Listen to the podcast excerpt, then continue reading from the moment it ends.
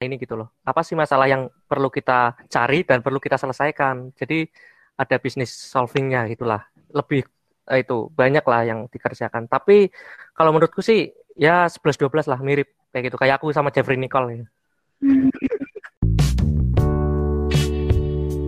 Assalamualaikum warahmatullahi wabarakatuh Balik lagi di podcast Ngobrolin Hidup Karena hidup banyak cerita Yuk obrolin aja Kali ini bareng aku Faris dan tentunya nanti bakalan ada narasumber yang insya Allah lah yang udah mumpuni di bidangnya. Terus emang apa sih yang bakalan kita obrolin di episode kali ini? Uh, jadi di episode kali ini kita bakalan ngobrolin mengenai data science kayak apa sih itu data science? Terus uh, gimana sih biar jadi seorang data scientist skill apa yang yang dibutuhin? Terus emang di era sekarang tuh dibutuhin banget gitu ya. Bareng teman aku Syukron. Kron kenalan dulu lah. Halo teman-temannya Faris. Assalamualaikum warahmatullahi wabarakatuh Ya perkenalkan ya. Waalaikumsalam Ya jadi di sini aku dulu satu kelas sama Faris di Udip jurusan statistika. Kebetulan sekarang kita sudah tua sudah waktunya untuk lulus dan ya seperti itulah ya. Mungkin itu dulu deh Res nanti gampang dilanjut uh, obrolannya gitu. Ya jadi namanya itu Syukran uh, dia itu data scientist di Kementerian PPN ya Kran Kementerian ini ya. Perencan ya saat ya. ini Kementerian ya. Perencanaan Pembangunan Nasional di Jakarta mana ya Kran pusat pemerintah oh, di pusat di Jakarta wah mantep pak Uh, gimana nih Kron kabarnya? Alhamdulillah sih. Ini kan masih pandemi ya. Kalau mungkin tahun ini kalian uh, mendengarkan pasti tahu lah ada pandemi. Nah jadi kayak ya yang penting itu sehat Faris. Alhamdulillah sehat. Kalau Faris gimana? Kalau Faris? Uh, Alhamdulillah sehat ya seperti biasa lah gitu. Uh, sekarang berarti lagi WFH? Ya lagi di rumah nih WFH nih santai. rumah santai kayak di pantai Jakarta gimana keren selama di Jakarta kalau di Jakarta sih nggak kondusif nggak kondusif sih Riz. kayak gimana ya tiap hari itu kayak lihat ambulan lewat kayak gitulah. Jadi kayak ya agak tekanan batin sih. Apalagi kan aku masih single kan ya. Nah jadi kan sendiri. Jadi kan di sana nggak ada nggak ada keluarga. Misalkan ada apa-apa kan juga ya agak repot kan. Serem sih. Ya gitulah. Hmm. semoga lekas selesai sih Rizka gitu Iya ya, berarti di Jakarta tuh apa ya vibesnya beda ya? Ya. Kayak, kayak di Pemalang lebih banyak kayak ambulan kayak gitu ya, kan? Bagaimana? Pemalang. Asli kayak aku kan juga beda. di Pekalongan kayak ya. Di sini tuh kayak nggak ada corona. Mm-hmm. Ya di kor di, pe di Pekalongan kayak nggak ada kan. Di Pekalongan, di Pemalang tuh kayak ya kayak hari-hari biasa kan ya, Riz kayak ya orang-orang kumpul di pasar seperti mm -hmm. itu kayak masih ya nggak ada apa-apa kan kayak emang kelihatan kan cuma kalau dari Jakarta itu kayak kamu ma mau beli makan aja tuh nggak boleh kamu makan di tempat terus ya harus nunggu di seberang jalan pokoknya ada aturan yang berbeda lah beda banget rasanya kayak gitu hmm, beda ah, ya, ya. Hmm. penting kita tetap jaga kesehatan lah ya kita hmm. pakai maskernya gitu hmm. nah mungkin langsung aja ya kita bahas materi kali ini kita uh, sebelumnya apa sih kalau menurutmu data science itu? Jadi tiap orang tuh punya definisi yang berbeda ya. Tapi kalau aku rasa uh, itu dat data science itu semacam uh, apa ya statistisi yang cuma di branding aja gitu loh. Jadi kayak rebrand. Kayak misalkan kalau statistik itu kan uh, terkesannya itu kita melakukan survei melakukan sensus hal-hal yang semacam itulah yang kuno apa namanya ya kita harus mengumpulkan data yang harus melalui pertemuan dengan uh, responden langsung kayak gitu. Kemudian kita, olah. Nah sedangkan kalau data science sendiri itu ya sebenarnya sama dengan statistisi biasa. Cuma di sini ada alih fungsi yang lebih modern karena kita nggak bisa mengandalkan survei terus ya. Apalagi di pandemi kayak gini kan nggak mungkin kita survei langsung. Ya mungkin sih cuma kan agak repot. Dengan hmm, dengan kemajuan teknologi kan kita bisa melakukan survei melalui Gform, Google Form, melalui uh, mungkin data-data yang sudah tersedia dari sosial media dan sebagainya lah intinya. Jadi data sekarang udah macam-macam baik itu gambar suara terus juga ya dari internet juga banyak. Maka dari itu karena variasi data yang ada ya data science itu sebenarnya statistik statistisi tapi uh, agak berbeda karena dengan kemajuan teknologi ini kita harus menyesuaikan datanya udah banyak uh, macamnya gitu deh. Hmm, nyambung ke big data ya berarti ya. Mm -hmm, betul betul betul. Ya, hmm, betul. Nah terus bedanya apa Kron sama data analis? Nah itu tuh juga sebenarnya ada yang mengatakan berbeda dan juga ada yang sama ya. Kalau yang dari orang yang mengatakan sama, yaitu karena memang uh, tiap tempat kerja itu ber berbeda gitu. Misalkan ya aku di Tokopedia misalkan uh, mungkin aku disebut data scientist sedangkan aku di Bukalapak aku disebut data analis. Padahal ranah kerjanya itu ya sama-sama ngolah data gitu ya. Tapi kalau orang-orang yang anggap itu mereka adalah dua job yang berbeda itu karena kalau data analis itu kita dikasih data ya kita tinggal ngolah aja gitu Riz sedangkan kalau data scientist okay. uh, uh, kalau data kita nyari Iya, kita harus nyari problemnya dulu tuh. Kayak apa sih yang dibutuhkan oleh perusahaan ini gitu loh. Apa sih masalah yang perlu kita cari dan perlu kita selesaikan. Jadi ada bisnis solvingnya gitulah. Lebih eh, itu banyak lah yang dikerjakan. Tapi kalau menurutku sih ya 11 12 lah mirip kayak gitu. Kayak aku sama Jeffrey Nicole.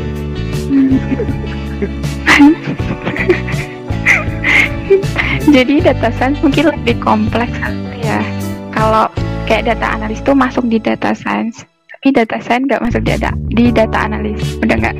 Ya hmm. ya gitulah kayak data dari apa ya cara nyari data terus nanti ngolah terus sampai apa sih solusi yang bisa dikasih gitu ya.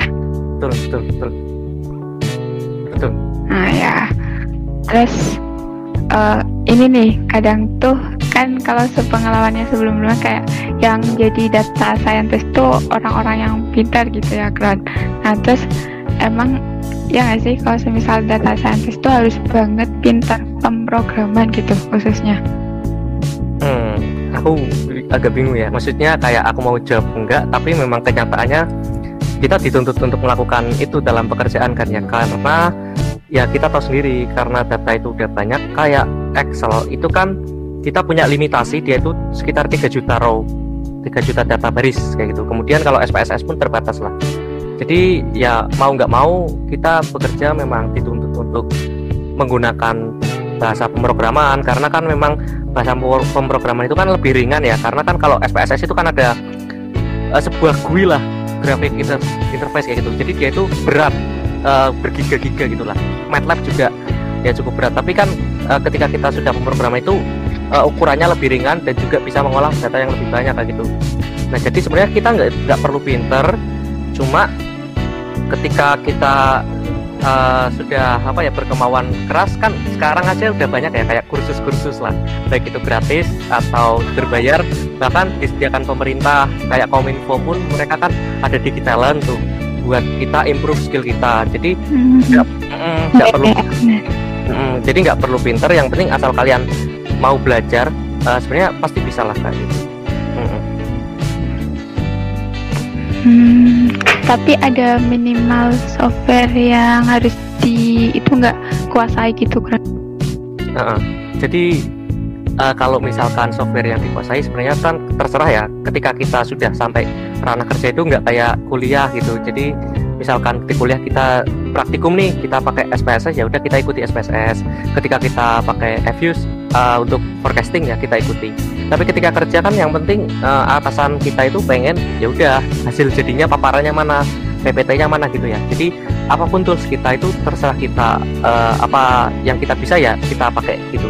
Tapi uh, lebih ribetnya itu ketika wawancara kerja nih jadi kan kita itu perlu dites ya. Kadang CV itu nggak menggambarkan kemampuan kita jadi pasti ada yang namanya tahap seleksi tes. Nah di situ kadang dikasih patokan nih misalkan aku tes di perusahaan A. Uh, perusahaan A itu mengharuskan kita pakai bahasa C atau pakai Pascal gitu ya. Ya udah kita ya harus mau nggak mau kan harus bisa gitu. Ya itulah. Jadi mungkin untuk kerja sendiri nggak dipatenkan pakai apa cuma ketika kalian wawancara kerja live coding atau tesnya nah itu lebih ditekankan. Mereka pengennya pakai apa tesnya ya udah kita harus bisa kayak gitu sih. Hmm, berarti kayak tergantung apa ya perusahaan atau instansi yang kita daftarin juga ya. Hmm. kayak ya sih pernah lihat kayak kualifikasi ada yang harus pinter Python tapi yang lainnya tuh harus yang R gitu. Jadi kayak beda-beda tapi ya tetap ya bahasa pemrograman harus ya setidaknya kita pernah mengenal gitulah jangan kayak buta banget. Bener uh, emang tadi kan skill pemrograman ya keren selain itu tuh apa sih yang skill yang dibutuhin gitu buat jadi seorang data scientist? Uh, skill yang lain sih selain ya kita toolsnya tadi kan kayak pemrograman itu hanya tools ya kita kan mengalih bahasa yeah. dari bahasa manusia ke bahasa mesin. Nah yang penting juga itu kayak kita harus tahu banyak metode tuh kayak kita harus misalkan ya kita disuruh kayak prediksi ini uh, kayak misalkan di mana ya kamu di uh, startup. Nah kemudian kamu disuruh forecasting misalkan pendapatan kamu uh, ke depan pendapatan startup ini berapa sih kira-kira apakah growth-nya bagus atau uh, ternyata akan ya hanya musiman akan turun lagi. Ini hanya masih apa ya gaung-gaung e-commerce besar tapi nanti akan turun atau gimana. Jadi kan kita harus memprediksi kita uh, prospeknya gimana ya. Jadi kan kadang kalau kita nggak tahu ah pakai metode apa kan itu agak repot ya. Jadi makanya kita perlu selain bahasa apa yang kita tools tools uh, kita yang bisa itu kita juga harus tahu metode-metode yang cukup banyak. Karena kan misal kita pakai Arima nih ternyata nggak sesuai dengan data kita nggak relevan lah. Nah kita pakai uh, jaringan sartiruan atau neural network gitu ya.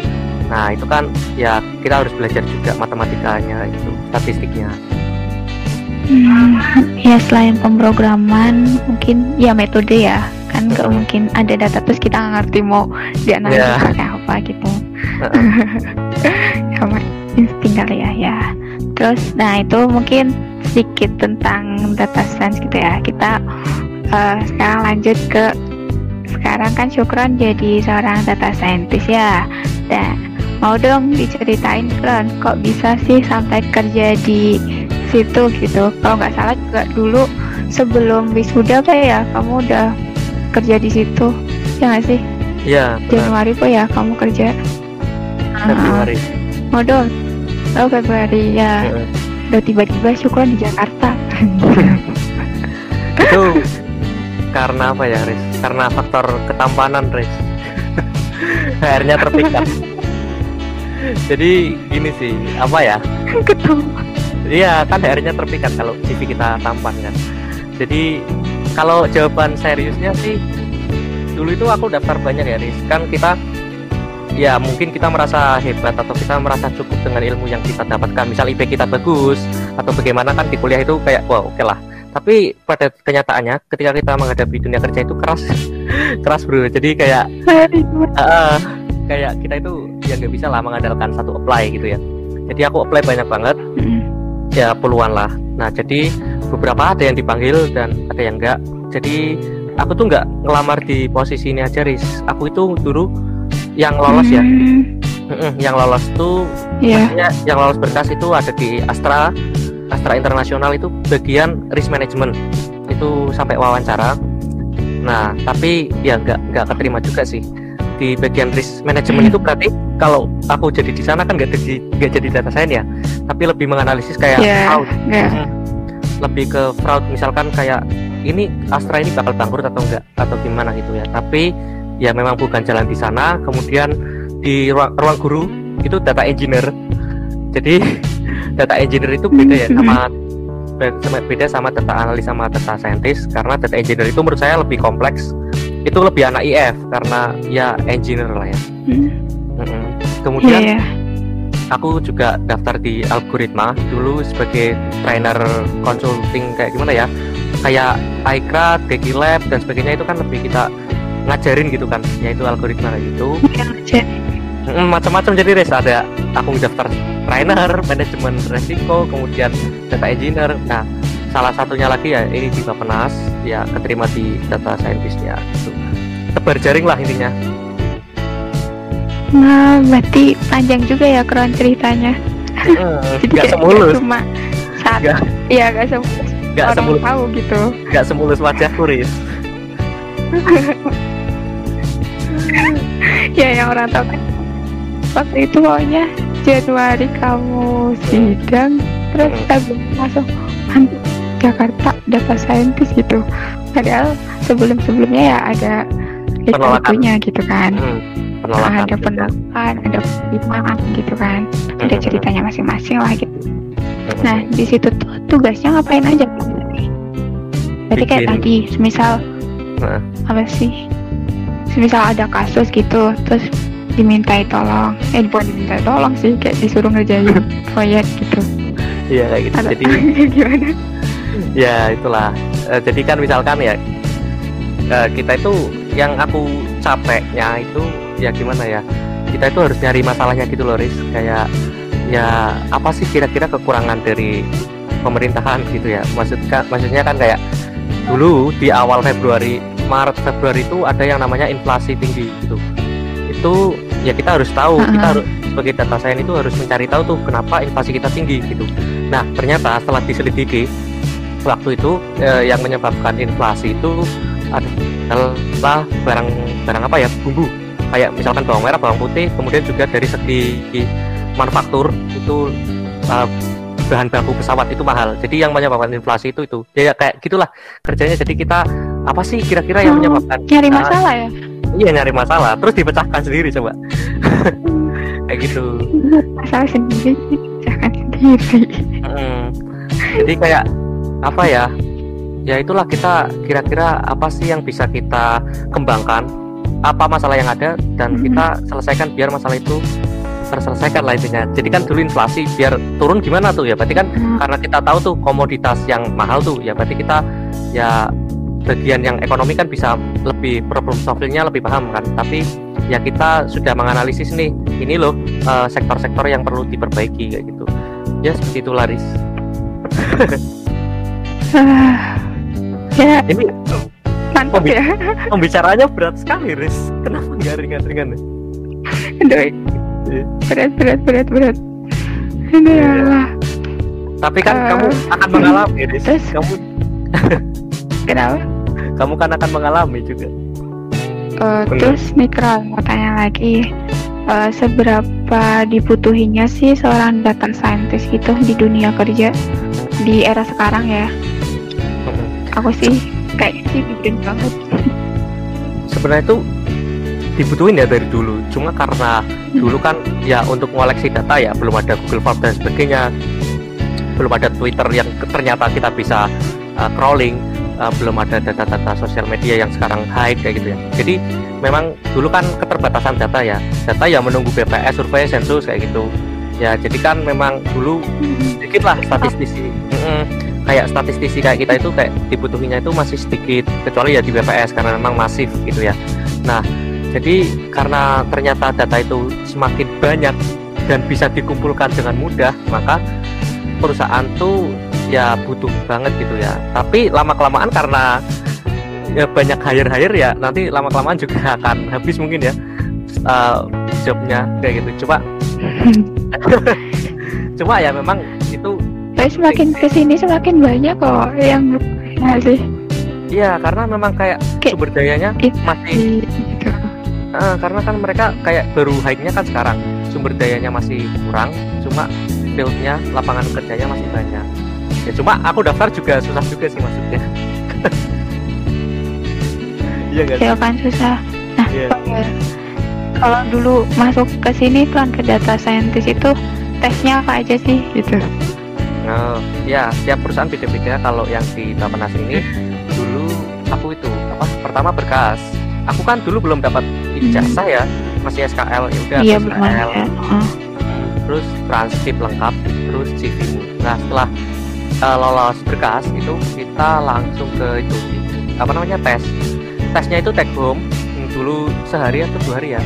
Nah kita disuruh analisis data yang disediakan dari sana setelah itu kita submit ya udah ntar direview sama uh, mereka kan ya habis itu wawancara tapi kalau uh. mm, tapi kalau yang lain-lain kayak yang di Astra dan sebagainya itu ya ada psikotesnya ada wawancara user wawancara HRD ya beda-beda lah tiap itu Oh, beda-beda. Kalau yang di Bapenas berarti berkas. Uh, berarti yang kedua tuh apa sih kasus ya. Terus yang ketiga wawancara. Hmm, kayak lomba ya, keren ada kasusnya. Loh, itu semua. Tapi bener semua, sih. Uh, semua itu pakai tes semua, Riz. Yang aku alami sih. Hmm, pakai tesnya itu pakai kasus gitu ya. Kayak dikasih kasus, terus kita suruh ngerjain kayak gitu. Uh, kalau di dulu ruang guru itu itu apa isian singkat ada 20 soal kayaknya. Kalau di uh, kalau di Bapenas sih take home satu dua hari. Terus ada lagi yang startup itu dia live coding selama dua jam. Ya kita live terus diliatin codingnya sama mereka. Oh ya, ya gimana sekarang codingnya iya, oh jadi iya. kayak film startup. Aku belum nonton Riz. Ya ampun. Itu sih ya baik susi bagus bagus. Uh, insecure sih kalau lihat enam dosen ngetik eh kayaknya kayaknya nggak mungkin deh kalau kerja nyata itu bisa semulus itu. Itu kan film ya? iya ya? bener. Kan? bener itu film doang sih. Kayak nggak ada errornya. Doang. Kayak ngetik di word. Iya. Kocak kocak. Nah kalau teman-teman nih yang mungkin masih awam gitu ya masih baru mau belajar atau mungkin nih kayak aku yang mungkin juga baru mau belajar mungkin kan syukuran lebih dulu gitu ya kayak kenal R Python atau ya yang lainnya gitu. Uh, biasanya tuh belajarnya dari mana sih Kron ada rekomendasi nggak? Uh, kalau belajar sendiri kan tergantung kalian itu audio atau audio visual atau visual ya. Hmm, kalau aku hmm, kalau kalau aku tuh suka baca ya jadi aku itu seringnya baca dari internet. Misal ya aku pengen belajar tentang apa regresi deh yang paling gampang ya. Ya udah aku ketik aja di regresi di Google itu kan pasti muncul macam-macam. Kalau kalian tahu medium medium itu kan semacam blog ya tapi kan lebih akademisi gitu. Uh, atau hmm. akademia lah atau pakai apa. Jadi memang di blog-blog sekarang itu udah banyak tulisan-tulisan yang kece kece badai. Nah jadi kalian kalau visual. Kalian belajar tipe belajar visual ya uh, kayak aku belajarnya dari itu kan uh, baca blog-blog. Itu ada. Kalau kalian lebih ke audio visual ya kalian bisa nonton YouTube tuh banyak sekali. Kayak misalkan aku itu terinspirasi dari Edureka dia itu dari India sih. Kemudian ada West kemudian ada Learn. Wah itu banyak banget. Pokoknya orang-orang India itu bikin YouTube banyak banget lah kalau kalian mau belajar Nah, terus kalau kalian ternyata nggak bisa uh, apa ya belajar sendiri, misalkan belajar mandiri kayak tadi lihat YouTube uh, atau baca Medium dan sebagainya, kalian tuh bisa kan ikut yang namanya pelatihan kayak Deki Lab atau yang dari pemerintah itu di Diskominfo. Kalau kalian yang digitalan ya, hmm, digitalan atau bangkit itu yang ngasih Gojek juga. Ya macam-macam lah kalian bisa belajar. Hmm, kalau yang free gitu Kron, kalau Deki Lab kan eh ada yang free gitu kan, nah. tapi kan tetap harus nggak apa ya berlangganan. Yeah. Terus kalau di Kitalan kan ya harus ada seleksinya juga. Ya, oh. Ya mungkin apa ya bisa akses gitu ke semua yeah. orang. Kalau dulu aku itu pakainya Coursera sama EDX. Jadi Coursera itu kalian nanti kayak menga semacam mengajukan beasiswa. Jadi uh, kalian tulis tuh kayak di Word. Nah, terus kalian pakai bahasa Inggris ya. Uh, why you need mm-hmm. this uh, beasiswa scholarship gitulah intinya kayak gitu financial aid. Jadi uh, kenapa sih kamu butuh uh, free account gitu ya? Ya nanti kalian ketik aja.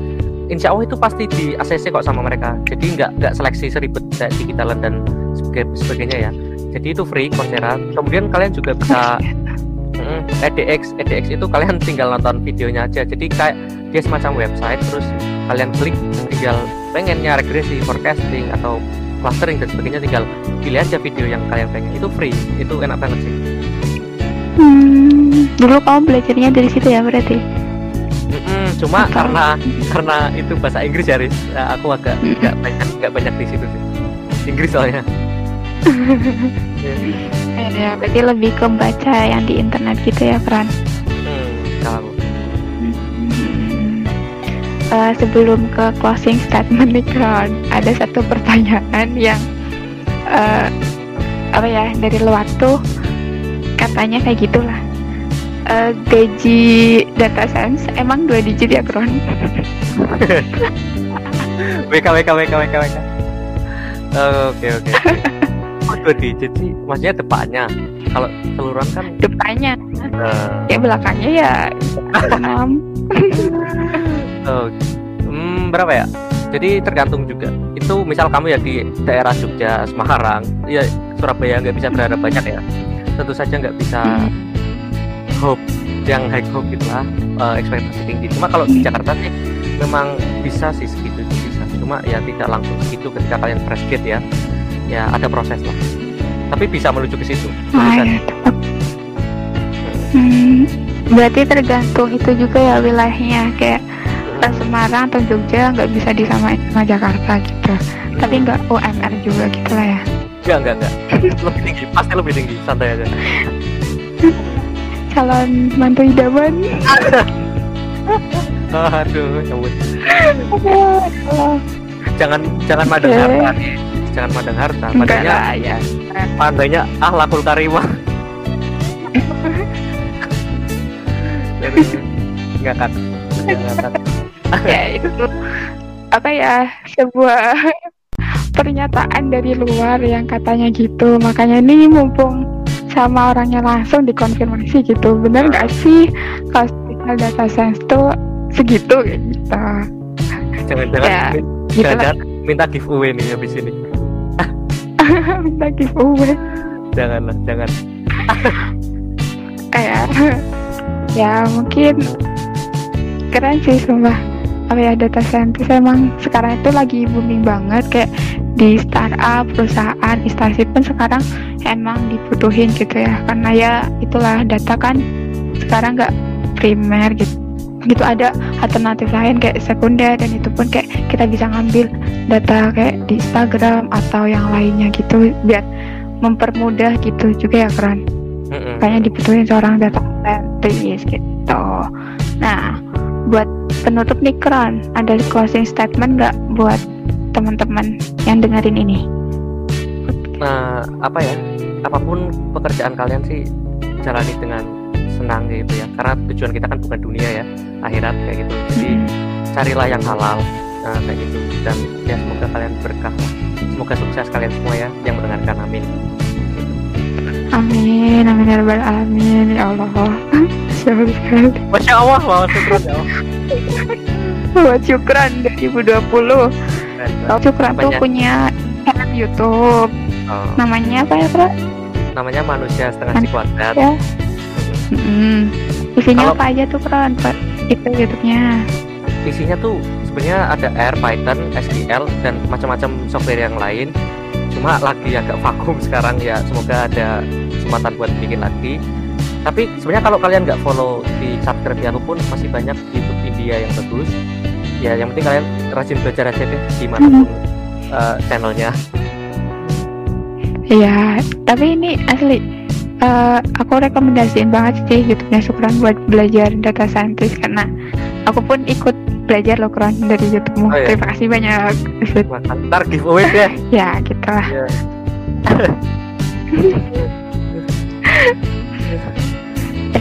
ya sukses terus buat Sukron. Uh, semoga pekerjaannya lancar terus meskipun Jodohnya. sekarang lagi ya gitu. Jodohnya. ya jodohnya juga semoga dilancarkan. Semoga nah. segera menemui bapak si calon. Amin. Kok bapak sih? Amin.